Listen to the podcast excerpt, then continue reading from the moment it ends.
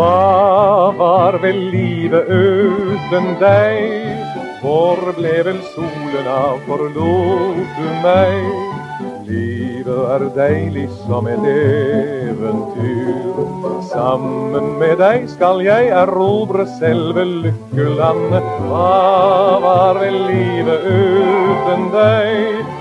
Vi vandret sammen på en solskinnsvei. Komme hva komme kommer, vi nyter livets sommer i vårt lykkeland. Åh, hva var vel livet uten deg, mitt kjære Fantasy Premier League? Hva var vel livet uten deg, kjære lytter? Og hva var vel livet uten deg, Mina Finstad Berg? Velkommen tilbake fra ferie. Velkommen tilbake inn i gullrommet, hvor vi har gullgardiner. Nå er vi tilbake etter ferien. Nå er livet i gang igjen. Hvordan føles det? Du, Det er deilig å komme i gang nå. altså. Eh, Jeg merker at eh, Det var bra med ferie, eh, men da vi begynte å planlegge litt sånn første podkast og liksom blogging om lagene, og sånn, så kjente jeg at nå begynte jeg å bli gira. Nå er det gøy å sitte og mekke på lag, og den perioden her er jo kul, sant? for du har helt blanke ark. Du kan gjøre Mm. akkurat hva du vil. Du kan gjøre så mange bytter du vil. Du kan lage liksom 15 forskjellige utkast og formasjoner og alt mulig, så det er gøy, altså. Det er veldig gøy. Det, altså, det er som, som du sier, denne perioden eh, er kul. Det er ikke bare kul, det er jo den feteste. Det er jo topp. Det er jo nå det piker. Det er nå fantasy er på sitt beste. Og det kribler hos oss. Jeg håper det kribler hos deg som hører på. Hjertelig velkommen skal du være til eh, første episode for sesongen 2019-2020. Ehm, det kommer til å bli en eh, heidundrende sesong denne gangen også. Hver dag frem til seriestart så kommer vi til å Eller nesten hver dag så kommer vi til å spy ut episoder. Eh, vi tar nok eh, litt helg eh, nå til helga, men det kommer episode nesten hver dag frem til neste fredag, altså åtte dager til, hvor Liverpool tar imot Norwich på Anfield og sparker det hele i gang. Så da har vi bygd opp en plan. Vi skal, bygge, vi skal ha hver episode frem til seriestart. Men istedenfor å bygge sånn stein for stein og få en sånn god aristotelisk dramaturgi hvor man når sitt store klimaks til slutt, helt på toppen, så starter vi på topp. Og så får vi håpe da at vi kanskje klarer å holde oss der, men sannsynligvis gjør vi ikke det. Det kommer til å gå nedover herfra. For i dag så eh, Det er pyntet med gull i studio. Det er fordi vi har en skikkelig skikkelig hedersgjest. Um, for noen få der ute så er dagens gjest en salgssjef fra Kristiansund. Men for alle oss andre så er han den beste av de beste. Han er den fineste av oss alle. Han er den beste fantasy-manageren i landet. Han vant da den norske ligaen, hvis vi kan kalle det, i forrige sesong. Velkommen hit til oss, Thomas Edøy. Tusen takk. Dette er stort eh, for oss. altså ha med deg, Det er virkelig hedersgjest. Du vant, eh, du ble den beste norske mm, fantasy-manageren forrige sesong. Ja. Hvilken plassering fikk du i verden? Nummer åtte. Nummer åtte. Det er så sterkt å være innafor topp ti i verden. Altså. Det er fantastisk imponerende. Mm. Ja, Det er fantastisk imponerende. Det er veldig veldig kult å ha Takk. det her. Eh, jeg leste i Aftenposten at eh, det kanskje har en forklaring med at du bor i en slags sånn Visteria Lane for managere. Altså det er, du er ikke den eneste gode manageren som bor i den gata der. Jeg har jo en eh, ja, Han som kanskje er Norges beste manager, da, etter min mening. Det er jo en Christian Michelsen i KBK. Mm. Eh, ja, tar jo et lite lag opp på topp fem i Norge, så det er jo eh, Ja. Det er ikke til å kimse av det heller. Nei, det, det er aldeles ikke. Solskjær, da? Er han i enden av gata, han òg, eller? Nei, han er litt finere på den. Bor litt sånn nærme sjøen og Åh. ja, Ja, egen brygge og egen brygge og ja, sånn. Ja. havutsikt. Ja. Ja. Ja. skjønner jo det. Mm. Um, det er, eh, men du ble nummer åtte i verden, Thomas. Um, hvor mye av Jeg skal ikke snakke for mye om Christian Mikkelsen i KBK, men har, han, uh, pleier, har dere sånne managermøter? Har dere noen frokoster sammen? Ja, han har ikke peiling på fantasy sin til meg, så um, Ja. Ja. Så han, jeg, gir han trua på at uh, det kanskje kunne ha vært en god manager i Mm. real life, Ja. jeg òg, da. Ja, ja det, det, det tror jeg. Det må vi, det må vi få lov til å Ja, tro. ja. Jeg tror i hvert fall det om meg sjøl. men du ble nummer åtte i verden, du ble nummer én i Norge. Men det jeg synes er mest imponerende, er vel at du ble den beste Liverpool-supporteren i verden. Stemmer ikke det? Ja, ja. Jeg vant, eh, det var delt førsteplass, faktisk. Ja. Og så var det jo avgjort på færrest bytter.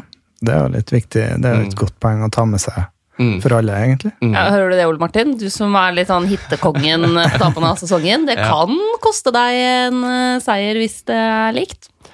Eh, ja, det, det kan det. Det kan nok det. Ja, jeg, jeg, skal ta med det. Jeg skal ta med det. Men jeg tenker med Liverpool-supportere altså, Så gode som Liverpool har vært de to sesongene, så populære som Sala Ja. og Mané spesielt var forrige sesong, og så slenger du inn van Dijk og Robertson og, altså, Du vil jo ha seks spillere for Liverpool på fancy-laget ditt. Det å da bli den beste Liverpool-sporteren i verden Jeg tenker at mange Liverpool-sportere har jo Liverpool-spillere på laget.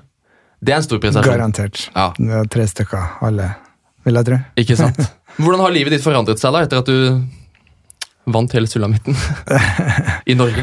Ja, ja, nei, det har jo vært litt oppmerksomhet og mye spørsmål rundt uh, fantasy. Mm. Og så har jeg jo eh, hatt eh, bratt læringskurve, føler jeg. da. Måtte, jeg følte jo at jeg var noe god på fantasy Mm. Uh, før jeg vant. Mm. Jeg har blitt bedre etterpå, Ja. så nå er jeg stor faller. Ja. Hvor mange sanger har du bak deg? Hvor mye erfaring har du? Nei, jeg burde sjekka det før jeg kom nå, men eh, jeg tror det er fem-seks sesonger. Men jeg, i fjor var det sånn virkelig jeg satte inn støtet, eh, ja, Mm. egentlig. Så Hva, mener ja, hva mener du med satt inn støtet? Nei, at, eh, at jeg begynte å følge med litt på hvem som tok mest poeng, og ikke bare så på For det, klart, de beste spillerne er jo Ja, Sala er jo kanskje beste spilleren nå, Ja. men eh, det er mange av de midt på treet som er gode i fantasy, som Mm. Tar poeng, og så er det noen gode spillere som er gode for laget sitt, som ikke får så mye fantasy-poeng. da. Mm.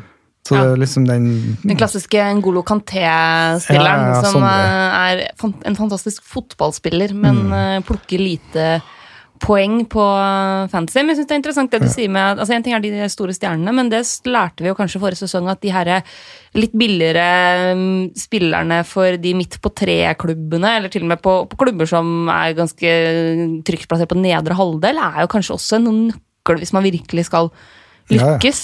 Ja, Mm. absolutt. Mm. Ja, definitivt. Um, ok, Så du har fem-seks sesonger bak deg. Du begynte å eh, som du sier, følge nøye med da for uh, ca. ett til to år siden. Det, det må jeg jo si, Ja, siden jeg vant nå, da. Ja, ja. Så jeg har vært så dårlig før, så da Ja. Det jeg lurer på, er jo hvor mye flaks følger du deg inn i bildet? Nå mener ikke jeg å snakke ned prestasjonen din, for det er- hyller jeg alle dager i uka. Men hvor mye flaks er det inne i bildet? Det, du må vel ha litt uh, flaks, på en måte. Det, nå syns jeg, som sikkert mange andre, at jeg har jo aldri flaks. Mm. Men uh, ikke for det. Uh, nei, du, du må ha litt tur, altså. Mm. Kaptein er jo viktig. Vi kommer jo inn på flere ting etter hvert, regner jeg med, men ja. Hit, bytta, Mm. chips. Mm. Ja. Du må treffe, liksom. Og jeg traff så sinnssykt på mange ting. Ja. Og Så- treffe på alt.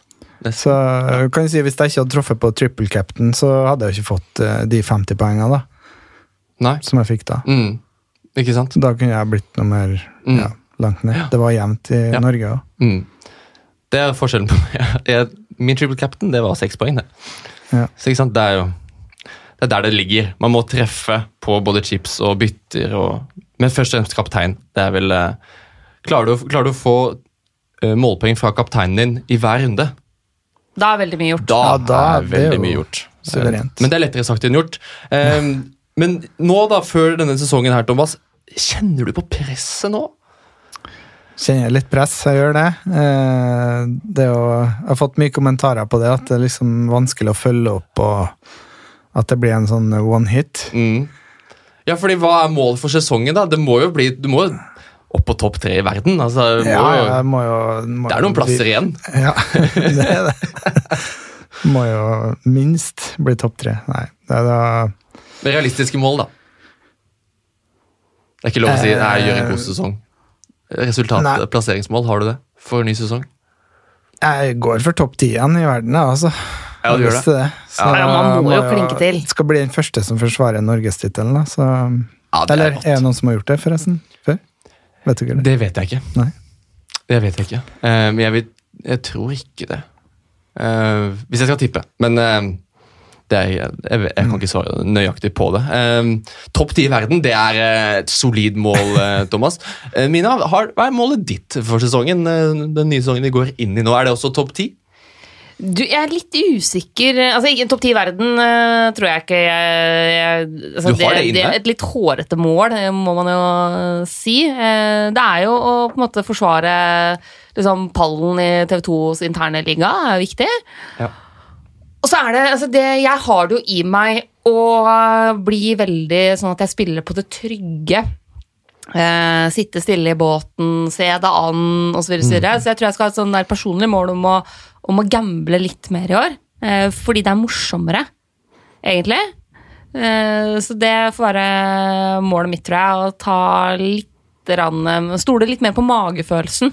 For det har irritert meg litt forrige sesong. At, altså, hvis du tar et eksempel da. Jeg husker jeg satt på podkasten eh, ganske tidlig på høsten og sa sånn Ja, han, han derre Frazier på Bournemouth, han eh, har veldig fine tall nå, han kan bli en spennende joker og bla, bla, bla. eh, men det passa liksom ikke å ta han inn på laget mitt da, fordi jeg hadde andre bytter jeg måtte prioritere. Eh, det er jo kjempebommert. ikke sant? Skulle bare heve han innpå med en eneste gang. Det var da jeg tok en møte. ja, Ja, ikke sant? Fikk tips fra deg. Mm. Så, så det å faktisk eh, kaste meg på de eh, spillerne litt tidligere, litt høyere risiko, Mm. tror jeg i år. Ja. Så da plasseringsmålet ditt, det blir da Jeg må halvere rank fra i fjor, da. Det må være et uh... mm, Og da snakker vi for alle som ikke har dette i huet. Alle som ikke har memorert den, min totalrank forrige sesong. Uh, nei, altså, jeg tenker man må topp 20 000 i top 20 verden. 000 i verden. Det er, får være et mål. Mm. Det er et godt mål det å ha med seg. Uh, målet mitt det er da å bli topp 19.999, for jeg skal bare slå deg, eh, Mina. Det er det Fordi, viktigste. eh, hvordan har det gått de siste åra, Martin? Vi går videre. um, Temaet for denne episoden her er jo da litt sånn taktikk i strategiprat.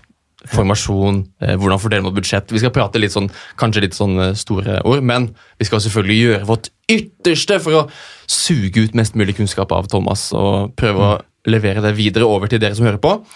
Så vil det komme da flere spesialepisoder eh, nærmere seriestart.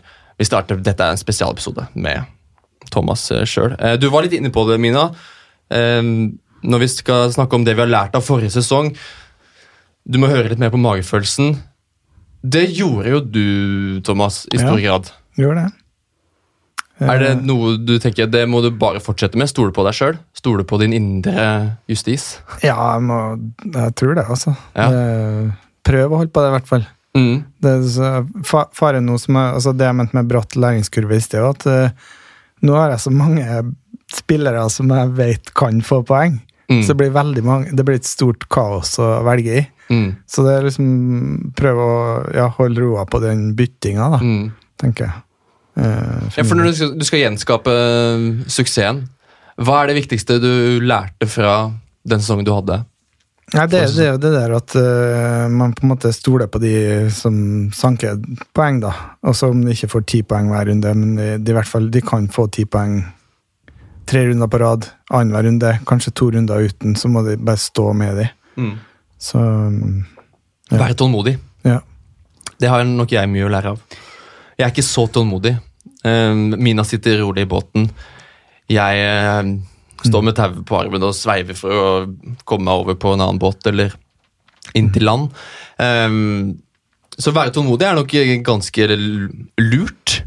Men hvor, hvor lenge kan man være tålmodig? Hvor lang tid går det før man Altså Du sier, Mina, du, du snakka om Frazier. Og tenkte nei, skal, det er på en måte en slags tålmodighet da, at du venter med å sette inn han. Men når er det man kan være tålmodig, og når er det man må være rask på avtrekkeren? Jeg tenker at det handler litt om eh, altså Når det kommer til de etablerte fantasy-stjernene, da. De, der har du noen som du veit at sånn eh, Man kan bruke fryktelig mange bytter på å sitte og veksle mellom Aguero og Kane.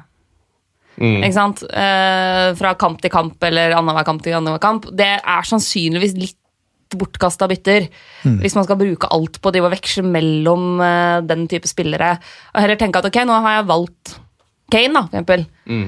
Uh, og jeg valgte han fordi han nå har fem fine kamper. Mm. Eller seks fine kamper, og Tottenham er i form.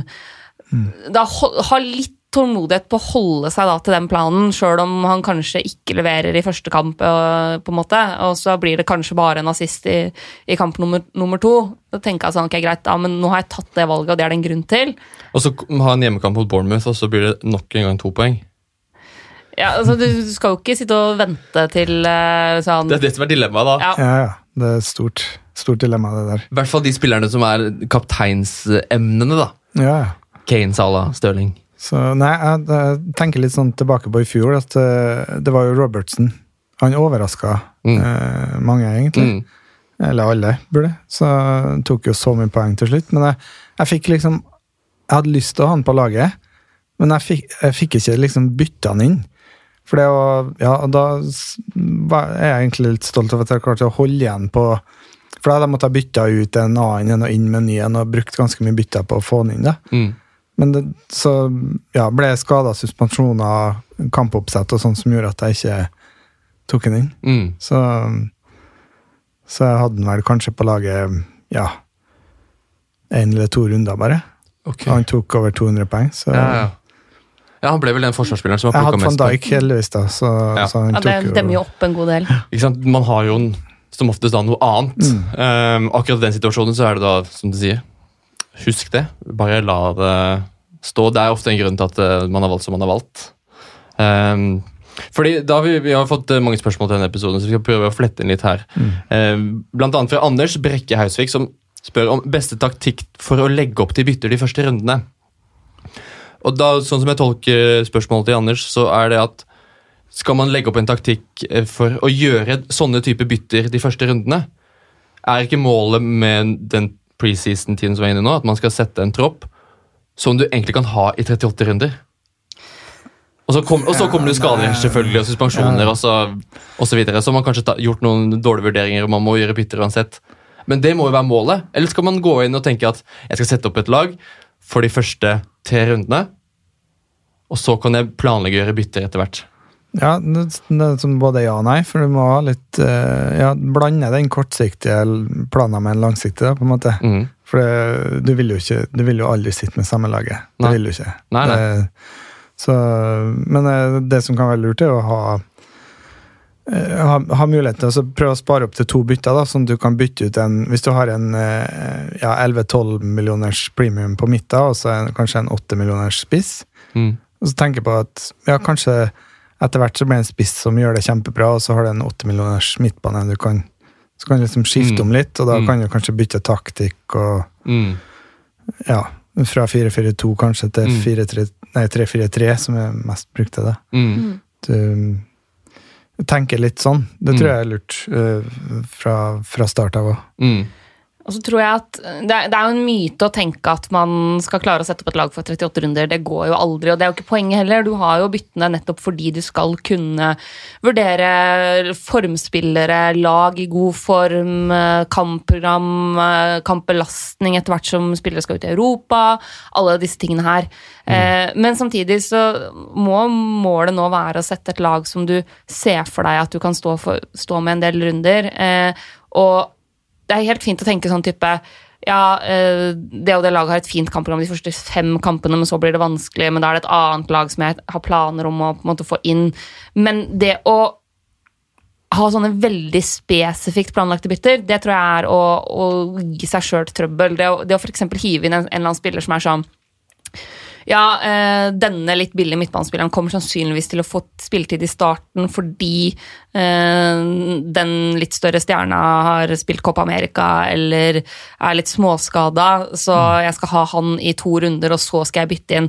Den type planlagte bytter For eksempel Mason Greenwood, Divock Origi. ja, den, men den type Type planlagte bytter gir deg ofte trøbbel. Fordi hvis du allerede nå på en måte binder opp et framti- framtidig bytte, så gir du deg sjøl mindre fleksibilitet. Mm. Ja, det, det er et godt poeng, det der, altså. Mm. Så ja, både enig og uenig. Ja. jeg kunne, kunne heller falt på Du tenker, tenk litt runde for runde-poeng òg. At du uh, hvis, hvis du har Origi, var et godt eksempel der som du nevnte, som, uh, som jeg kanskje ville ha hoppa på. Ja. Eller kan ende opp med å hoppe på òg. Ja. Men uh, ja. Det, det, det er vanskelig, altså, det der Men Jeg tror første halvdelen blir mer eh, da, da jeg Ikke vær redd for å gjøre mye bytte av første halvdel. Mm. Andre halvdel så har det liksom ting begynt å sagt Altså andre halvdel, mener jeg etter nyttår, da. Når Mm. man får uh, brukt, uh, brukt et wildcard igjen, og så uh, rydda opp, kanskje. Mm. Ja, ja, litt rydda opp litt i benk og forberedt benchboost og mm. chips fremover. Mm. For jeg tenker at chips det blir liksom andre halvdel, Mm. for min del. Ja, og da henger jo ofte wildcardet, det andre wildcardet ofte veldig sammen med de chipsene. Eh, og Før vi går over til å snakke om chips, så er det en liten ting eh, angående bytter som jeg bare føler vi må lufte litt. Og det er fordi Fantasy Football Fix er en sånn nettside-algoritmeopplegg som har en statistikk for topp 50-managere forrige sesong. Det er jo en av oss som er en del av den statistikken. Det det er Thomas. Ja. De sier at eh, 51% av topp 50 I de byttene som 51% gjorde, så henta det inn spillere som hadde en eierandel på under 10% Jokerne. Ja, så det vil si at, Og selvfølgelig er det sånn at hvis du er topp 50 i verden, så har du jo selvfølgelig et lag som du er kjempefornøyd med. For da har du jo si, alle spillerne som plukker poeng. Så da er det mye lettere å prøve seg på de der jokerne som har lav eierandel. Eh, men det er jo også tyder på at de beste i verden tenker at man må finne den skatten som ingen andre har. Hvor mye tenkte du på det når du, når da, hvor mye skal man tenke på det utover høsten når man gjør bytter? Som du sier, man gjør en del bytter på høsten. Man må finne den Ryan Frazier som du ikke fant på en måte forrige sesong, Mina, på høsten der. Mm. Mens du gjorde det, Thomas. Ja, min, eh, en av mine jokere som jeg vet var bra, det var eh, Jeg hang i husveggen og drev og malte uh -huh. en helg, og så uh, skåret Vardi hat trick. Da hadde jeg tatt den inn. For Ja, ikke begynte, Formen begynte å komme av ny manager, og tenkte nå må jeg inn med Vardi. Mm. Og det var, folk hadde gitt den opp litt. Så han skåret et mål, da. Mm. I en cupkamp eller i midtukekamp eller Mm. tidligere. Men så satte han inn da Mm. eh, etter at han hadde spilt én kamp med ny manager, så positiv ut. tenkte jeg, han går jeg for. Men så hadde jeg likevel eh, allerede et lag der det hadde spillere som plukka poeng jevnt. da. Så, så jeg hadde liksom tryggheten på de andre òg. Mm. Ja, for Det må jo ligge til grunn at du har en veldig god stamme. Mm. Da er det mye lettere å hente disse jokerne til under, ha under 10% eierandel. Det, det er jo på en måte sånn det funker. Men hvor viktig er det å se på eierandel når man skal gjøre bytter, eh, Mina? Hva tenker du? Det kommer helt an på hva som er målet ditt. Eh, For de som f.eks. har en eller annen eh, venneliga eller jobb- eller familieliga hvor det aller viktigste for deg er å liksom komme deg forbi onkel Ragnar som liksom alltid slår deg på fantasy og som ligger fem poeng foran, så er det jo viktig å se på ok, men hvor er det man faktisk kan hente inn poeng, da. Ehm, men jeg bryr meg ikke sånn voldsomt mye om eierandel når jeg bytter. Eh, jeg tenker først og fremst på de spillerne jeg tror kommer til å ta mest poeng. Mm. Eh, og så er det en bonus hvis de i tillegg har lav eierandel, eh, på Ja. en måte. Eh, men jeg tror Ja, men man kan se seg litt blind bare på det. Nei, du kan ikke Men sånn, som, ja, men sånn som nå før sesongen jeg, merker, jeg ser veldig mye på eierandel når jeg velger spillere nå. Og jeg vet at det er veldig mange som tenker de, Du kan gå inn på uh, transferlista nå, og så kan du velge spillere. Og så kan du bare sortere etter eierandel. Og så ser du på en måte ja, Ta Sala, da. Som er da den mest uh, populære spilleren på midten. 36% eierandel. Da kan du velge å tenke så 36% har han, da må man være med på det toget. Det er jo sånn det funker. Um, og så har du på spissplass så har du Jimenez som har 34% Mm. Med Sala så tenker jeg ok, jeg må ha Sala, jeg også, for jeg kan ikke Hvis Sala fyrer hjemme mot Norwich, så må jeg være med og få de poengene. Mens Jimenez tenker jeg ok, de 34 skal jeg gå, ut, skal jeg gå mot. Og jeg, jeg skjønner ikke hvor, hvor Det er to eierandeler som er veldig like. Men hvordan skal man justere, altså forholde seg til de eierandelene? Er det, den prosenten er det jeg egentlig lurer på. Hvor skal man finne de som er, har lav eierandel, og hvor skal man tenke ok, dette, her har majoriteten rett? da? Nei, Jeg synes det er vanskelig selv. Ja, du, du må jo ha litt trua på deg sjøl. Altså, kartlegge litt uh, preseason-kamper og hvem som Mm. Ja. Kanskje ha, ha en par spillere som man har, har tro på, som, uh, uh, ja, som har tatt poeng før. Mm. Prøve å tenke litt tilbake i fjor. Og nå ligger jo, nå ligger jo poengsummene ut på, på fantasy-sida, Mm. hva de tok i fjor og Ja, så Mm. det Så tenker jeg at det, når det kommer til de spillerne som er eh, åpenbare kapteinsvalg, der eh, bryr jeg meg en del om eierandel. Eh, hvis, la oss si at du går inn i en periode hvor f.eks. Sala, da, som jo ofte vil være et veldig godt kapteinsvalg, har tre kjempefine kamper etter hverandre, hvor jeg veit at han, veldig mange kommer til å ha han som kaptein. Da syns jeg det er skummelt å gå uten. Fordi da er det, poten, det potensielle tapet på å ikke ha muligheten til å ha han som kaptein da, eh, det kan gjøre at du havner fryktelig bakpå. Mm. Eh, mens de litt De spillerne som ikke er de naturlige kapteinsvalgene, da. eh, Der er det litt annerledes. Og så tenker jeg at man bør prøve å ha en litt sånn balanse i laget også på når det kommer til eierandel, på samme måte som man har det når det kommer til eh, altså budsjett, at man har litt fleksibilitet i laget som gjør at man kan gjøre greie bytter og alt sånn, så er det en balanse der også. At man har et par jokere med litt lav eierandel. Eh, en, i hvert ledd, på en måte? ja, for eksempel, da.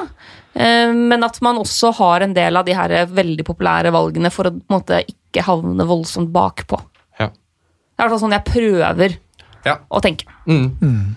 Det med kapteinsemnet, det syns jeg var veldig mm, godt konkludert, Mina. Um, så kan jeg bare si at jeg, ja, For meg så er ha, nesten ja, godt over halve bordet med fantasy er å finne de skattene. Og gamble litt ekstra på de som har lav eierandel. og føle at Det er jo det det handler om. Fantasy handler om å være han ene som s- har gått til høyre, mens alle andre har gått til venstre. Og så var det høyre som var det beste veien å gå. Det var den korteste veien. Og så kan du stå der og vinke når alle andre kommer lenge etter deg. Ja, det er Eh, kjekt å ha én sånn, i hvert fall, på ja. Det er det. Ja. det. Og det trenger man for å bli topp eh, topp ti i verden. Ja. Ehm, ok, vi skal legge byttet litt eh, på is. Um, bare gå kjapt igjennom chips eh, her. Det er de samme som forrige sesong. Um, det jeg lurer på, Thomas, er når du spilte dine chips. For 48 av topp 50 managere spilte freehit i runde 32.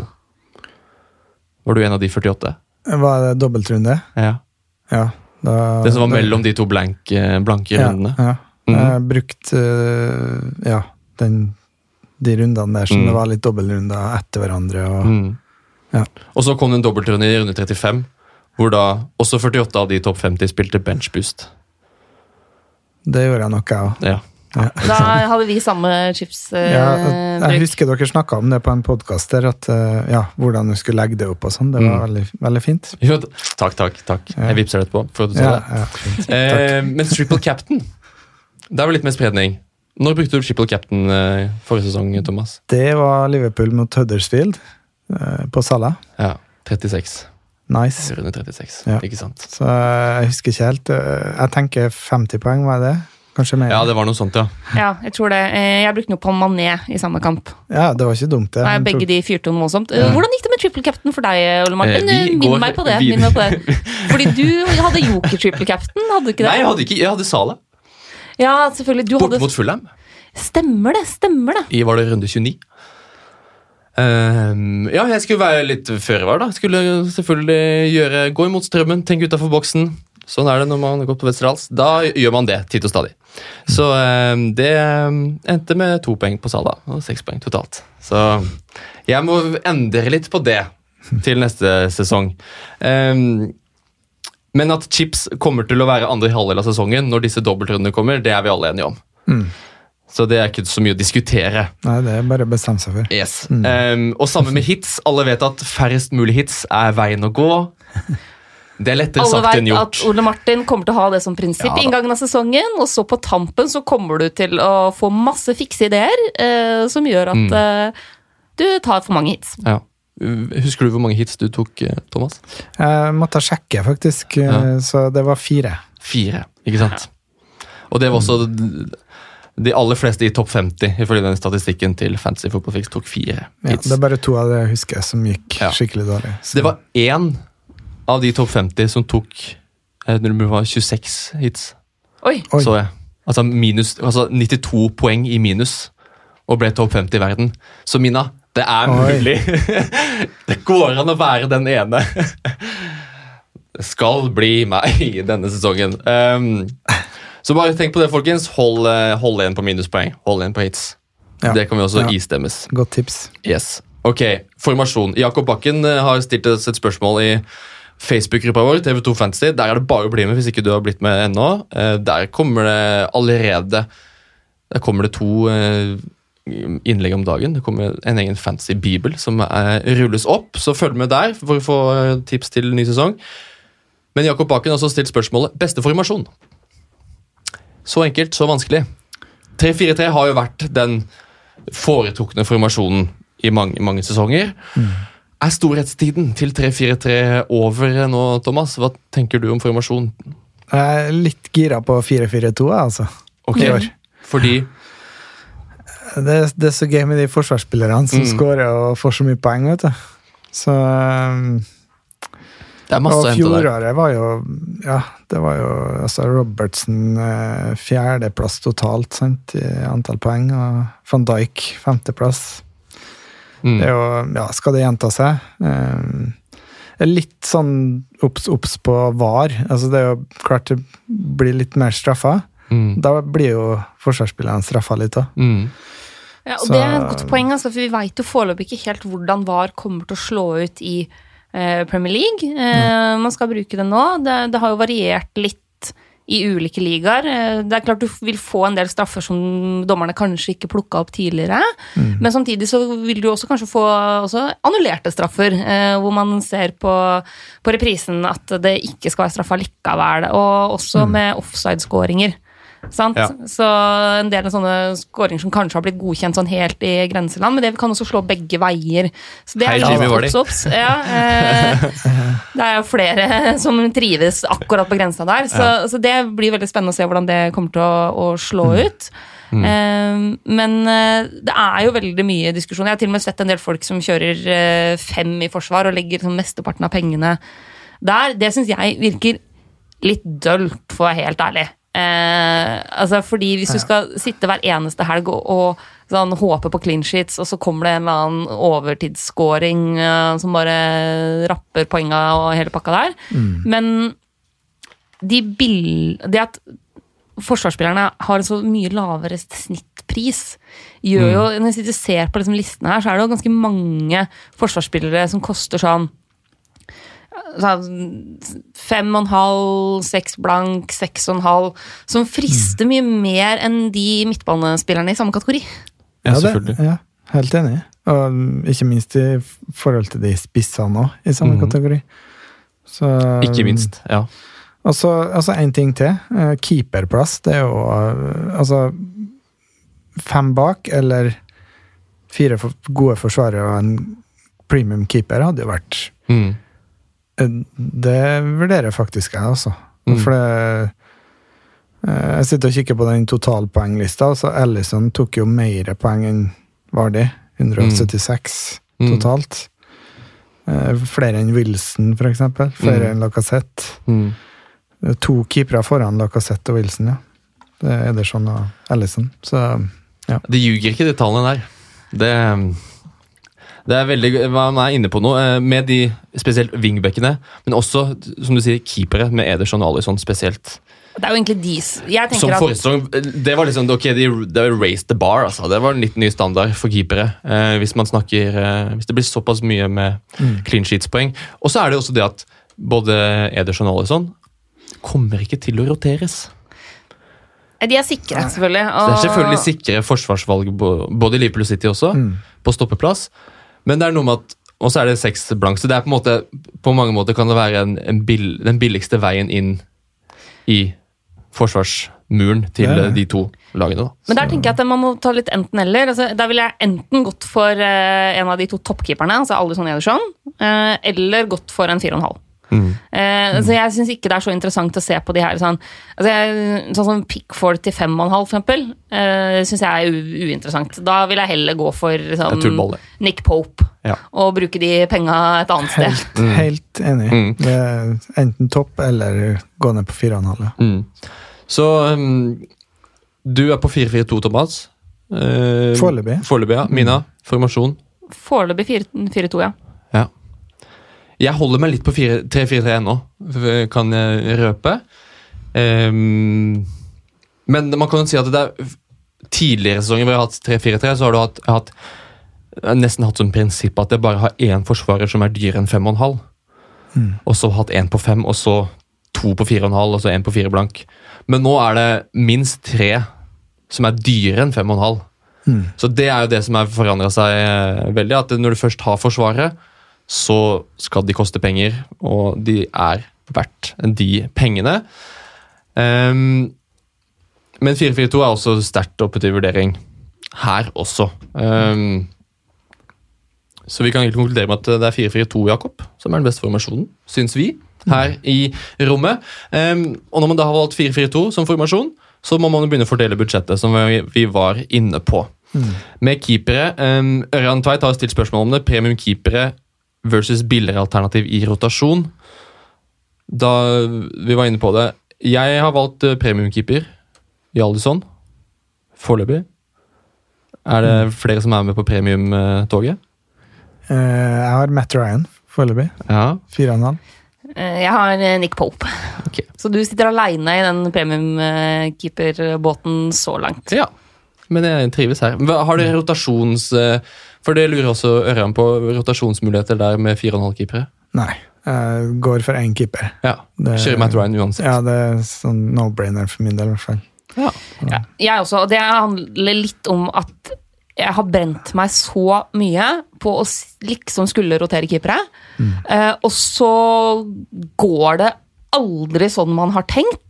Eh, så den keeperen som tar poeng, sitter ofte på benken. Og han keeperen som slipper inn eller lager straffe, er på bana. Så det, alt det der eh, orker jeg ikke. Så det er liksom en eh, Det går for en keeper som blir stående. Ja. Så er det flere som stiller spørsmål om altså premium. Da snakker vi om dyre, de dyreste spillerne i hver lagdel. Spesielt premium spiss kontra premium midtbanespillere. Eh, Simon Vig Andersen har et spørsmål. Er det overhodet mulig å stille et lag med Salah, Stirling og en klassespiss og en premiumspiss? Um, Lars Kristian er så inne på det skal, må, klar, må man liksom bare sette de tre, og så må bare resten liksom bli litt sånn ræl? Eller må man droppe en av de? Hvordan går vi fram her, Thomas? Nei, jeg, ville, altså, jeg har jo hatt fokus på forsvar, da, så jeg heller tatt inn to premium i forsvar i stedet, for å ha en premium spiss, da, kan jeg si. To, litt dyrere i forsvaret, kanskje. Ja. Um, så Men uh, hvis du går for en 3-4-3-formasjon, så tror jeg jeg ville hatt en premium spiss, ja. ja. For da kan du legge bort litt penger. Og premium spiss, da snakker vi over 10 millioner. Ja, ja. Da er Kane Abomayang eh, Ja. mm, eh, Aguero, selvfølgelig. Mm. De tre Ja. som jeg tenker er premium. Så eh, Salah, Stirling, som er de dyreste midtbanespillere, eh, Mané også, er litt ute i kulda pga. Afrikamesterskapet og sånt. De er ikke så viktige for deg? Jo, Sala, Salah, er vi- tror jeg er med fra start av. Ja. Eh, Men eh, det er jo usikkerhet rundt Mané. Han kommer tilbake nå 5. august. Dag Mm. første, ja, så han eh, rekker nok mest sannsynlig ikke Gameweek 1. Mm. Men eh, fra Gameweek 2 Han kan fort sitte på benken i Gameweek 1, da. Mm. Komme inn eh, mens de stanger mot Norwich og bare Ja, så jeg vil ikke avskrive en. Nei. Hvis den er med på benken, så kan den fort uh, gi litt poeng for det. Mm. Så hvis man tenker at uh, ja, man vil jeg ha med, for han får over 200 poeng, så Mm. bare å kjøre på, tenker jeg da. Mm. Uh, Men da bør du ha en god backup på, Mm. på benken, Mm. Ja. eventuelt. Hvis Ja. Det, ja. Så følg med helt sånn inn mot eh, seriestart, tenker jeg, i forhold til Mané. Mm. Jeg så det var noen som hadde spurt om det òg, så. Ja, vi ser litt, eh, ser litt an på Mané. Mina, hvordan fordeler du pengene på Salah Stirling, Kane og Bobbyang? Får ikke plass til alle, vet du. Nei, det er jo mulig, men da Skal du ha alle de tre, så betyr det å stille en veldig billig forsvarsrekke. Det betyr at du kanskje må gamble mer på andre typer spillere. Så foreløpig, det utkastet jeg har nå, så har jeg valgt å eh, legge mest penger på midtbane. Mm. Med både Salah og Stirling. Mm. Eh, og gå uten en sånn premiumspiss, hvor da den dyreste spissen min koster ni blank. Mm. Eh, og så legge da også litt penger i Forsvaret. Eh, det er sånn det ligger an nå. Eh, og det, det handler om en så enkel greie som at ok, vi har en del såkalte midtbanespillere som i realiteten er like offensive som spissene, eh, men som får ett poeng mer per scoring. Viktig poeng. Mm. Blir poeng av sånt. Det blir det, et Ett poeng her og et poeng der. Det, Ja, Da kan man eh, telle opp virkelig til slutt. Um, jeg ist- istemmer nok det, altså. At eh, premiumspiss, altså spiss over 10 millioner, det er ikke inne hos meg heller. Det er, eh, vi er fort inne på den samme spissen til 9 millioner, Mina, som den dyreste. Um, så det er i midtbanen og i forsvaret, det er der det er størst verdi. Det er det inntrykket jeg har før eh, denne sesongen. Kim eh, Pedersen lurer på, Thomas, om du satser alt på å ha en solid førsteelver, eller har du også en brukbar benk? Hvor viktig er den elveren kontra hele troppen? Nei, Elveren eh, er viktigst nå, i, starten for min del. Men jeg vil ikke gamble på å bare putte folk på benken som garantert ikke spiller. Eh, du, sånn, nå i starten også er litt sånn usikker ut, Mm. rundt en del spillere som vi var inne på med eh, kort sommerferie og tilbake fra mesterskap med landslag og sånn. Mm. Så mm, prøv å finne de rimelige alternativene eh, som, som du kan ha på benken, som Mm. muligens kan spille. Men for all del prioriter førsteelveren, altså. Ja. Eh, det Og så må man vel ha en spillende benk, Mina. Du må i hvert fall ha noen på benken som spiller. Eh, så foreløpig så tenker jeg at det er greit å ha noen sånn, en sånn gamble-spiller på benken. En eller annen billig unggutt eller noe som kanskje får sjansen, men du kan ikke bare ha det. Så for min del så er det eksempel det å putte inn en midtbanespiller som sånn femtemann, som eh, jeg tror kommer til å få litt spilletid, men der leiter du jo først og fremst etter de som er litt sånn Denne spilleren kommer stort sett å starte samtlige kamper, og så blir det kanskje et målpoeng i ny og ne. Mm. Eh, er den, liksom den kategorien, da. Mm. Hva tenker du Thomas, om disse når vi er inne i preseason og alle disse ungguttene som får spille? Først og fremst toppklubben, fordi det er mange av eh, toppspillerne som er, har spilt mesterskap, som vi har om. Eh, jeg ser det er, mange, det er en del som har Mason Greenwood, for eksempel, på laget. Jeg har sett han i en del lag. Um, vi var, det var samme, vi snakka mye om Callum Hinton og Doy før forrige sesong, husker jeg. Um, Ja, nei, det, det er litt skummelt det der med de unggutta som får sjansen, og som gjør det veldig bra. og uh, Ja, du må være litt forsiktig, altså, rett og slett. Uh, nå, ja, nå har jeg Greenwood faktisk sjøl på benken uh, mm, per nå, da. Eh, men det er bedre altså, Det er mer sånn på benken så har jeg et alternativ på midtbanen og et i forsvar som jeg vet spiller, da. ja, Og da kan jeg ha han der som en tredje. ikke sant? Mm. Så Så lenge du har Ja. to, så er det Det spørs nå om jeg kanskje bytter ut det når jeg, hvis, hvis Dybala kommer, så får du enda et offensivt alternativ Ja. eh, som går foran. Da. Mm. Så um, Ja. Ja det der er preseason-hypen, som er Greenwood altså Liverpool også har hatt en del unggutter som har vist seg frem fordi de vanlige gutta på en måte ikke har vært, har vært på trening ennå. Ehm, det fraråder jeg sterkt, altså. Å holde seg unna. Når 9. august kommer og sesongen er i gang, så er det de, jeg de, alle de vanlige som er på laget, og det er de vanlige som kommer til å spille. Um, de kan slå igjennom. De kan slå igjennom. Men jeg, jeg føler det sier vi, sier vi nesten hver sommer. Jo, men pro Problemet er at du, det, er, det er vanskelig å vite hvem er eh, på en måte Reece Oxford og Callum Hudson-Odoi og den type unge spillere som ser kjempefine ut, er billige og spiller masse preseason, og hvem er Dele Alli? Ja. Ikke sant? Som jeg jo hadde da han var sånn grisebillig for en del sesonger Fem og siden. liksom. Og på en måte hadde vært bra i preseason, men som virkelig slo til og fikk Ja. sjansen. For hvis det å slå gjennom er å få et innhopp på et kvarter 20 minutter, annenhver kamp, så er det jo fortsatt hvis, hvis du definerer det som å slå gjennom, så er det jo fortsatt ikke aktuelt. Tenker jeg, det, altså, Lista er ganske høy, i hvert fall på laget mitt. da. For Du må få ganske jevnt med minutter, og det mener jeg at man må se etter. Spilletid er alfa og omega, eh, tenker jeg. Eh, så se litt ekstra på det, men eh, det er jo gode alternativer som også ikke er så fryktelig dyre. eh, som man kan ha på benken. Men tenk litt ekstra på benken din. Det er lurt. Tror jeg vi kan si, Må, alle sammen. må ha en som spiller fast der, i hvert fall. Ja. Minst én. Ja, det stemmer. Eh, vi har fått inn eh, veldig bra med spørsmål eh, til eh, først og fremst deg, Thomas. Så det er jo deg vi må stille disse spørsmålene. Og så skal vi prøve å svare så godt vi kan, vi også, Mina. Men folk vil ikke høre på hva vi har å si, tror jeg. Eller jeg tror ikke, det vet jeg. Eh, Det er først og fremst Thomas som har ekspertisen her. Så vi skal dra innom en del sånne spørsmål eh, nå eh, mot slutten. Um, Stein Olaf Olsen lurer på hvem blir årets Jimenez og Frazier. Jeg så den der. Den, den, den er en Ja. Det er vanskelig, den der, altså. Mm. Eh, årets Jimenez. Eh, skal vi tru, tørre å tippe på noen av de for da er vi på nye måte- laga, kanskje? Ja, ikke sant? Da er vi fort på seks blank da, som sånn makspris. Ja, Wolves var jo Ja, de kom opp i fjor, og han Mhm. Ja. Nei, det, det er jo Sharp da på uh, Sheffield Mm. United. Um, kanskje Timme Pukki på Han er jo ikke en ung gutt, altså han er en erfaren uh, toppspiller. Finland Mm. har gjort det bra. Han, Han syns jeg er interessant. han er spennende. Altså, han er Eh, seks og en halv, kanskje, da, ja. men uh, Mm. Allikevel. Um, Det er er flere som har snakka altså. litt om Callert Lewin før sesongen. Ja, men nå ser det ut som Everton er i ferd med å kjøpe en ny spiss.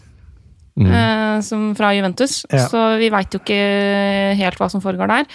Eh, så er det jo også noen sånne spillere som eh, altså En som jeg er veldig spent på, som kan bli en suksess, og som kan bli bare rør, eh, det er eh, Robinson i Sheffield United. Det er fordi han eh, er klassifisert som midtbane, men har spilt spiss i preseason. Eh, så det er klart at hvis han Og, er ny signering der, da.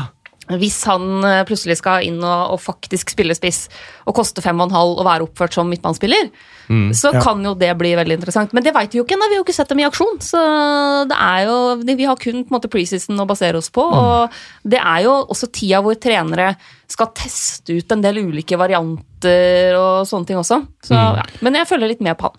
så Mm. det, er, det er lurt for alle fantasy-mennesker å ha ei sånn liste der du De her skal jeg følge med litt på. Mm. De luringene her, dem skal jeg være først å fange opp. Måte. Mm. Så ja. Tenk så fett hvis den nye Jiminez ble Christian Benteke. Seks blank i Palace. Nei, nei. Det går ikke. Det hadde vært kult, altså. Ja, jo, det, Det hadde vært helt rått. Eh, Så jeg, jeg håper litt på Benteke, men eh, det kommer nok ikke til eh, å skje. Eh, Frazier, da. Midtbanespiller. Den nye Frazier. Sånn i samme 5,5-6-klassen. Ja, det er de der eh, unge belgierne der, da. Uh, Tilemanns Mm. Ja. Tilemanns er uh, høyt oppe på lista. Jeg er helt Ja. enig. Uh, Det er mange som har valgt den, Dunker. Donker. Uh, vet ikke om Ja. den får spille akkurat, men eh, Han, ligger, han ligger til å få en del minutter, i hvert fall til den prisen til 4,5. så er han liksom den jeg er litt spent på å se hvordan de setter opp, og, mm. uh, eller hvordan, hvor mye rullering det blir. Mm. Eh, de, de sleit jo med litt tynn stall, eh, egentlig, Wolfs i fjor. Mm. Så det virker som de har flere alternativer nå, da, Mm. med nyinnkjøp og Jeg har litt lite hjerte for James Ward Prowse. Det Jeg må jo si det. Ja. Han eh, Alltid forhåpninger til han. Han er alltid inne på utkastene mine om sommeren. Så det kan være en litt ny Frazier med tanke på Han var jo toppskårer for Southampton forrige sesong. Det sier nok mest om Southampton, eh, men hadde også null assist. Og det er ganske sykt når han har, har en dødballfot og en, en frisparkfot som er eh, ganske, ganske bra. Så der kan det plutselig komme både mål og assist. Så må jeg nevne en til eh, på Brighton. Han eh, Trossar. Mm. Ja, han er spennende. Det så jeg nå. Han eh, sånn eh, Ja, jeg så litt på høydepunktene fra den kampen. Han eh, var livlig, altså. Livlig. Liten sånn Maradona-type. Uh. Som ligger og strør litt pasninger og Oi, ja. dribler litt. da. Mm. Kan, men vi, vi har jo ikke sett dem i fantasy-verden, skal du si. Nei. Hvor mye poeng eh, sanker dem. Så, men han, eh, han prøver seg i hvert fall på litt pasninger og hadde Mm. en god stikker der som Glenn Murray satt i Mm. mål. Kanskje han blir nye 6-0. Kanskje han blir nye Jimenez, Glenn Murray. Den gamle Jimenez, det blir Glenn Murray. Det også hadde vært fantastisk. Um, vi setter de på blokka, um, alle mann. Um, Martin Ulnes Pedersen lurer på hvem er must-haves på fantasy-laget Thomas? Hvem er det du må ha? På mitt lag, Mm. tre Liverpool-spillere. Mm Det er Ja, For de som ikke har eh, skjønt det, så er Thomas er Liverpool-sporter. ja. Så, men uansett, eh, ja, jeg anbefaler alle å ha tre Liverpool-spillere. Mm. Uh, Sala er jo nummer én mest-TV. Uh, Ja. Ja. Første jeg setter opp og, uh, uten å tenke på det. Og så er det jo uh, Burde jo vært Mané, da, men uh, den usikkerheten rundt nå seriestarten er jo litt sånn. Men jeg tror han får nok over 200 poeng i år òg. Og så Mm. har du tre forsvarere å velge mellom, da. Mm. Så eh, For det er det Andreas lurer på. Hva med de tre Liverpool-forsvarerne? Van Dijk, Robertson, Alexander Arnold. Jeg har litt trua på Arnold, altså, for han er ett år eldre, og i fjor så var han litt inn og ut og ble hvilt litt og sånn. Eh, nå ble jo Klein kom jo tilbake etter utlån, men han skada seg igjen, da. Mm. Så Du er ikke Ja. redd for rotasjon på litt. Men eh, totalt, da, selv om han spilte litt mindre enn eh, Robertson, så var han jo ikke langt bak i poeng. Han var jo Nei. veldig god siste halvdel, Mm. Arnold. Hvor Så- urovekkende er eh, sesongoppkjøringen til Liverpool? For forsvarsskattene? Ja, det, nei, det har vært litt eh, rot. Det har det, så de har bytta mye på laget, og men jeg, altså, jeg er ikke bekymra. De vant jo 3-1 mot Lyon nå, så det, det er nok på, tilbake til. på sporet igjen. Ja. Så, det er kvalitet, så Mm. de Hvis du skal ha én Liverpool-forsvarer, Thomas, hvem velger du? Det blir Trent Alexander Arnold mm, som er førstevalget. Mm. Er Ja. du enig, Mina? Jeg har han inne på laget mitt nå. Eh, Jeg syns det er vanskelig å velge mellom han og Robertson. Eh, er, altså jeg tror eh, poengpotensialet er høyere for Alexander Arnold, egentlig. Og Det er altså dødballer i tillegg, sant? Det er jo dødballer. Eh, Og, og han har jo Han endte jo opp med flere En assist mer enn Robertson i fjor, med mindre spilletid, på en måte. Eh, Men det er jo tryggere med Robertson, med tanke på eventuell rotasjon. Mm. For Moreno er jo borte nå. Um, Moreno er borte. ja. Det er jo Milner da, som er backupen på Ja. den backen der. Eh, Så det er ikke de så har mye noen backup. og sånn, men eh, altså, jo, det. Og så er, det, men så er det også litt som, som Thomas er inne på, at uh, vi må huske at Trent Alexander Arnold også fortsatt er ung. sant? Så han er jo fortsatt en Ja. spiller i utvikling. Eh, det er mulig at han har nådd toppnivået sitt, men det er også mulig at han har enda et hakk inne. Ja, for at han, han, var, han var Du ser jo, I fjor så var det jo masse løp fra backene, men det var jo Robertsen Han og klin gæren. Springe Springer opp og ned i 90 minutter. I 95 minutter, eller 120. Nei, så Arnold har litt, litt Han holder igjen litt mer, Mm. men eh, det er de dødballene som uh, Mina sier, og så Ja, nei, jeg tror på han i år, altså. Mm. Uh, så litt artig å gå for han. Mm. Eh, Så, men jeg vil ta med van Dijk da i tillegg. Så han Ja, så du kjører to? ja. Ja, ikke sant? Ja, ja, ja. Eh, Stian Kalnes Bosdal eh, skriver Jeg ønsker å ta til takke i gåstein med De Bruyne for å få ha plass til Eriksen på midten. Eh, noen tanker rundt Stirling versus Kevin De Bruyne? Skal man ta seg råd til Stirling? Kan man klare seg fint med De Bruyne? Hva tror du, Thomas? Du kan klare deg fint med De Bruyne, men det er litt usikkerhet der. da. Han var skada så mye i fjor. og Jeg Ja. spilte nesten ikke. Det er jo klart, han tilbake 100 så er han jo et skup. Mm. Det er jo ingen under 10 millioner som eh, er bedre, Nei. i, mine øyne. Nei. Det er, Så- de øynene der deler jeg. Mm. Den, den der lille perioden han hadde, eh, var det kvartfinale i Champions League mot Tottenham. Altså, hvor han var Han så en enormt god. Fantastisk spiller. Eh, og, og det sier også noe om for så vidt styrken til Manchester City at de vinner ligaen eh, Uten uten, uten eh, en av de beste Ja, ja, spillerne det- i, i verden eh, mesteparten av sesongen. Så, og han har jo stort sett plukka ganske bra. Altså, hvis du tenker på de to Hvis vi ser bort fra forrige sesong, da, fordi da var han såpass mye skada, så 17-18-sesongen, 8 mål, 18 eh, assist. 16-17-sesongen, 6 mål, eh, 21 assist. Altså, vi vet jo hvor fantastisk mange målpoeng som bor i den gutten der, og han koster eh, altså 9,5. Det er potensielt røverkjøp. Problemet mitt er jo at eh, Raheem Sterling eh, har nå to sesonger på rad med nesten 20 mål. Altså 17 og 18 eh, forrige sesong, eller sesongen før der igjen. Og i tillegg har liksom eh, solid med målgivende. Ja. Nå, Det er 30 målpoeng ja, den sesongen vi har vært gjennom nå. Den sesongen vi har vært gjennom nå. 17 mål, 15 målgivende. Sesongen Ja, før der. 18 mål, 17 målgivende. Ikke sant? Og det det, er sykt. Ja, ja. En, uh, det er en grunn til at han er så dyr, da. Jeg husker det forrige sesong. Han var den siste jeg hadde bytta ut fra laget mitt. Han var den jeg var liksom Stirling var Han var han aldri i verden man skulle røre han på laget. Han skulle være der livet ut.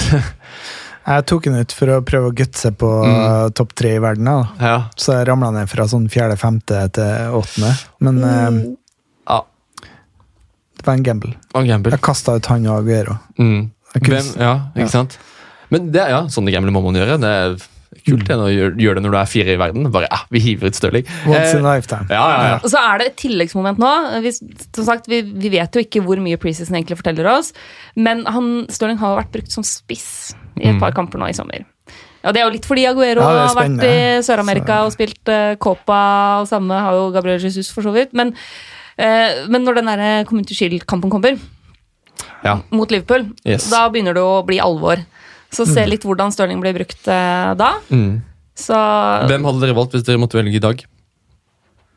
Stirling eller De Bruyne? Jeg ville ha gått for Stirling først, for han vet jo Han har levert noe i preseason. Mm. Vet at han kommer til å spille. Han blir veldig viktig nå når eh, kanskje Aguero er litt ned på en 95 Mm. eller 90 Mm. Ikke det, han klarer seg med det. Men uh, ja, så jeg, jeg ville ha gått for Stirling, altså, så ser han det brønner litt. Ja. Men det, det er ikke den største gambelen å kjøre med De Bruyne, altså. Nei, Eh, nei, langt ifra. jeg tipper han spiller, Ja, og da er en, eh, en på banen, så er en farlig. det, jeg har også foreløpig gått for Stirling. Og det, det deilige der er jo at eh, i og med at han er så dyr, så er det jo veldig lett å bytte han ned til Kevin De Bruyne. Ja, Hvis De Bruyne virkelig leverer, og så ha ekstra penger du kan bruke et annet sted. Men Ja. det å bytte seg opp til Stirling er jo vanskeligere. Mm. Da, krever det sannsynligvis, med mindre man skal ta ut Sala, så vil det å få inn Stirling eh, koste minimum to bytter. Ja. Ikke sant. Um, Hans Christian Lid spør om kan vi forvente at spillerne som har spilt mesterskap i sommer, som bl.a. Mané, Alison, Firmino, Aguero, Jimenez Hvor mye kan vi forvente at de spiller i starten av sesongen? Nei, Jeg tipper de kommer til å få spille, altså, for de må jo bare komme i gang. Ja. Eh, så jo blant annet Klopp sa jo at eh, han var ikke bekymra for formen til Sala. Han eh, mener at han kan springe, Mm. springe 90 minutter, spurte det når som helst. Mm. Så det det er nok ikke Det er toppidrettsutøvere, så jeg tror ikke det er på latsida i ferien heller. akkurat. Nei, det er noe med eh, det. Og Mané han ville jo egentlig komme tilbake Han ville jo ikke ha så lang ferie engang. Så Ja. Kanskje litt oppskrytt, den ferien. den ferien, Stakkaren, det er to uker, det Ja. ja, men det er jo, altså, De holder seg i form i løpet av sommeren. da. Det gjør de. Um, hvor mye tenker du på det, Mina, når du setter inn vurderer spillere, de som har vært i, med landslagene og sånt? Det er en del av vurderinga. For meg er det det. Men det det kommer også litt an på, på type spillere. Eh, altså, den type belastning påvirker spillere i litt ulik grad. Da. Eh, og det har litt med alder å gjøre, det har litt med fysiske forutsetninger å gjøre. Og så handler det selvfølgelig om altså, de som har gått langt i mesterskapene. Sånn som for eksempel eh, altså, sånn som Brasil, som, spilte, som vant Copa America, kontra et lag som er, har vært slått ut tidlig, har litt å si det også. Så jeg, jeg syns det er altså En ting er de etablerte stjernene, som på en måte allerede er klare førstevalg. Eh, og så er det noe helt annet med de spillerne som kanskje har litt mer konkurranse i sin posisjon, som ikke er like etablert i startelveren. Eh, der er jeg mer bekymra for eh, rotasjon. Mm. Og så handler det faktisk også om, om kampprogram. da. Mm. Eh, altså sånn som eh, Liverpool, ja ok, du har Norwich eh, i åpningskampen. Eh, mens eh, Manchester United og Chelsea møter hverandre. Mm. Ikke sant? Og de, de starter sesongen med et smell, med knalltøff motstand. Ja. Da har du jo mindre råd til å eh, hvile spillere også. Skal ha litt vann. Det er litt varmt her.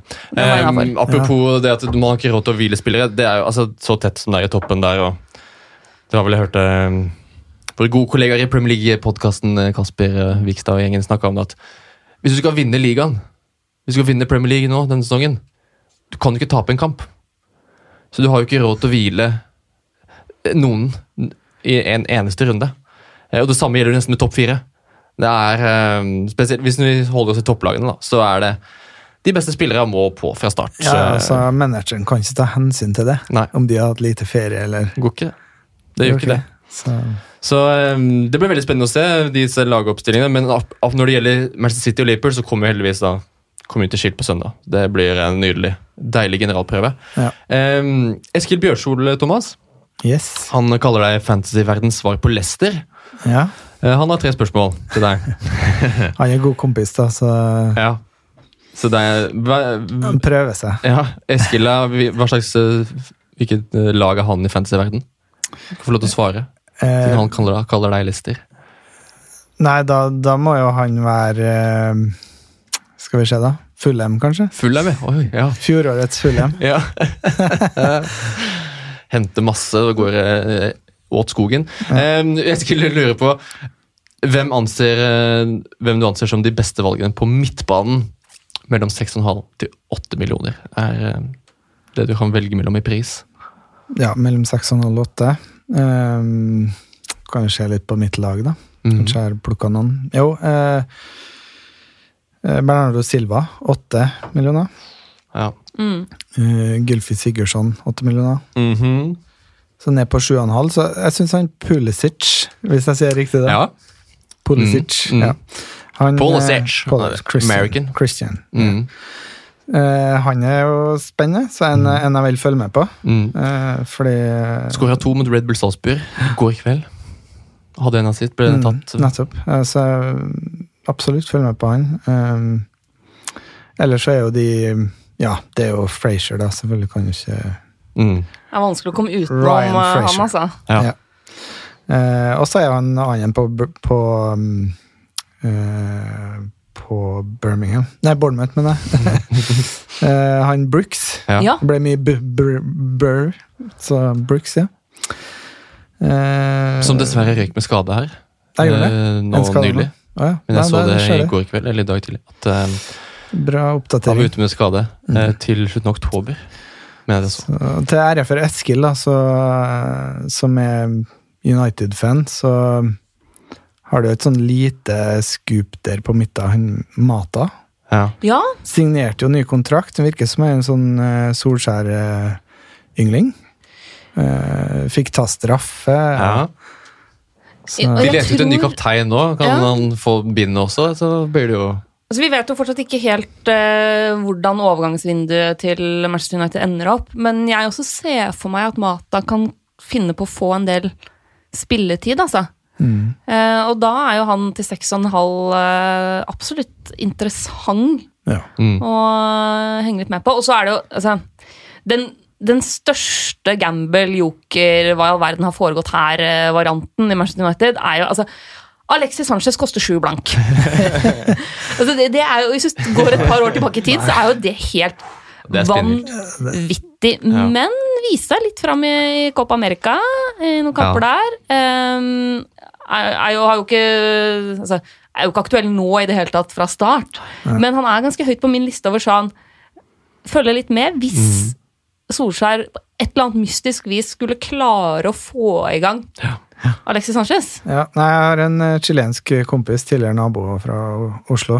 Så Eh, jeg spurte han litt om det faktisk her om dagen, og eh, han sa det at eh, han er over the top, han er ferdig. Han, okay. Ja. De tapte 3-0 mot Peru, og det var krisestemning. Ja. Så ja. ja, ja. Du vet hva jeg pleier å si, Mina? Det er, man må jo leve litt. ja. Så kanskje kan man leve litt med Alexis uh, den Men vi holder oss unna. Men eh, det, jeg bare Mm. følger litt med på Det er litt sånn samme med Mesut Özil også, som Mm. har blitt veldig billig. At sånn, ok, Da følger vi litt med på de gutta der og ser om de faktisk kan klare å og, og om de har en siste sesong i seg da, på, som gode fans. Jeg har mer tro på han. Mm. Ja, på Øzil. Ja. Eskil har litt flere spørsmål til deg, Thomas. Eh, Du var litt inne på det i stad. Vi rangerer Liverpool-trioen bak fra best til dårligst. Eh, Alexander Arnold på topp, nummer én. ja. Og så van Dijk nummer to. Van Dijk er kanskje nesten nummer én, for han Han er sik er sikreste valg er billigere, men eh, sånn hvem som henter mest poeng i år, så tror jeg det blir Trent. Ja. Så det er Trent, van Dijk, Robertson. Mm. Hvor, Yes. eh, hvor det er ikke noe dårlig tredjevalg. Nei, det er, det er en god, god bransje. Kjør alle tre. Ja. Ja, ikke sant? Det blir vanskelig, da. Det blir veldig veldig vanskelig. Eh, så lurer han også på helt til slutt hvorfor du går under kallenavnet Munken. Kos og klem. Ja, klem, ja. Nei, det er altså Vi var en sånn fin gjeng på På 90-tallet i Kristiansund fotballklubb, da. Så unge gutter. 16-17-18 år. Og vi var i Norway Cup 96, faktisk, sammen. Ikke sant? Eh, hvor jeg var tredjevalget på høyrebekken, eller noe sånt, men jeg valgte å være med likevel. Det var Ja. sosialt og fint å, å være med på det. Og da var jo en uh, Vi fant ut vi skulle farge håret. Så den gangen, Nå har jeg jo ikke noe hår igjen, da, men jeg var blond, da. Skulle kjøre på med brunfarge, så jeg endte med oransje, med en sånn stor ring i krona bak. Så da, da så jeg ut som en munk, da. Så etter det så ble, har jeg alltid blitt kalt Munken. Ai, Av de gutta der. Det er morsomt. Ja. Så husk det, alle dere der ute, hvis dere føler dere hadde en dårlig sesong i Fantasy. Til og med et tredjevalg på høyrebekken i Kristiansund med måne-oransje hår kan vinne Fantasy. Gjerne sånn Oasis-inspirert Ja, ja, ja. sveis òg, med Ah, pannelugg og hockey. Nydelig, nydelig, nydelig. Forferdelig. Ah, deilig. Eh, Jan Erik Rugel, Rugelsjøen skal få det siste eh, spørsmålet her. Eh, han har tre dilemmaer. Eh, Trent Alexander Arnold og Robertson har vært eh, innom. Den går til Trent. Sala eller Stirling? Kort. Sala. Mina? Ja. Sa, ja, men altså, jeg er enig. okay, ja, det er første valget, men det er jevnt mellom de to. Yes. Kane eller Aubameyang? Mm, den er vanskelig, altså. Ja, den er vanskelig. Jeg er så glad i Kane, men jeg er litt usikker på skade... Mm, den ankelen der. Ja, så Nei, jeg må si Kane, altså. Jeg hadde villet tatt Kane. Mm. Mina? Da sier jeg sier Aubameyang, jeg. Faktisk. Altfor mange dilemmaer å eh, ta stilling til. Helt til slutt, Thomas, så må du fortelle oss hvordan laget ditt ser ut. Det er det vi alle lurer Yes. på. Er de, hvem er dine 15 utvalgte? Jeg har eh, da valgt eh, Faktisk gjorde et lite bytte før jeg kom inn til i dag så det, Oh. det, det er Det fremdeles ikke satt. Det er men, eh, blodferskt. Det er Ryan Altså, ta startelven, da. Det er Ryan i mål. Mm. Og så er det Trent Arnold, Laporte fra City, eh, Luca Din fra Everton, van Dijk Det er fire bak, altså. Mm. Så fire på midten. Støling, uh, visekaptein. Mm. Så har vi Sala. Bernardo Silva på um, City. Eh, og Jack Graylish. Aston Villa. Ah, deilig liten joker der. Eh, er Jack kan hete Ja, det er det. Ja. Og, Good old Jack. og så må jeg Det er bare sånn litt norske øyne og eh, den eh, var og straffer og sånt. da. Mhm. Josh King. Mhm. Så ja, jeg liker den bedre på Bournemouth enn på landslaget. Mm. Litt sånn, Mm. men eh, ja, jeg har vært god på landslaget òg. Og så eh, har jeg foreløpig Jimenez, men eh, det er litt usikkerhet der i forhold til at de har kjøpt ny spiss, og han har vært i turnering og litt kort sommer og alt det der. Men Mm. Ja. Så, men, eh, men han eh, hjalp meg så godt i fjor, Ja, så jeg er litt glad i ham. ja, ja jeg skjønner det. Man får litt tett Ja, forhold. og så eh, på benken, da, McGovern, er bare en keeper 4-0. Greenwood 4,5 uh, menu, bare for å være med. Mm. Eh, Den Donker, som jeg tror Mm. får spille litt, og Lundstram fra Sheffield United, Yes. som 4-0. Kommer til å få spille, har spilt litt midtbane. Og alle som har lest uh, Fantasy-nytt på Twitter og Ja, alle har vel som forstår seg litt på fantasy og prøver å forstå seg på det, sier at han er en joker, da. Mm. Så, så han er inn. Mm.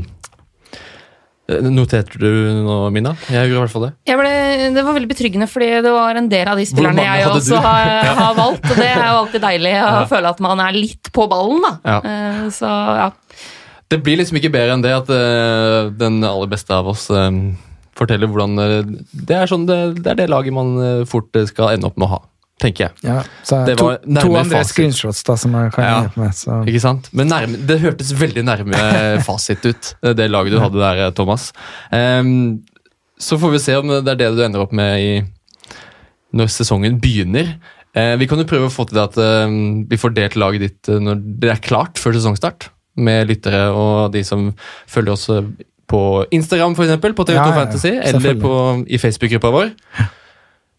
Ehm, da sier vi at uh, denne episoden er ved veis uh, ende. Den første episoden er eh, over. Vi er i gang. Takk for at uh, du var med, Mina. Og tusen hjertelig takk for at du tok turen innom, eh, Thomas. På veien til Spania Spania. med familien Ja. så ble det en svipptur innom eh, Oslo. Nei, tusen takk for at vi kom. Det, Det har vært en ære for oss. For meg også. Så hyggelig. Eh, Mm. Vi håper på, vi prøver å få til eh, en, og vi gleder oss til å følge deg denne sesongen. I kampen mot å forsvare tittelen som Mm. Norges beste. Så sier vi takk til deg som hørte på. Vi høres igjen veldig snart. Vi snakkes.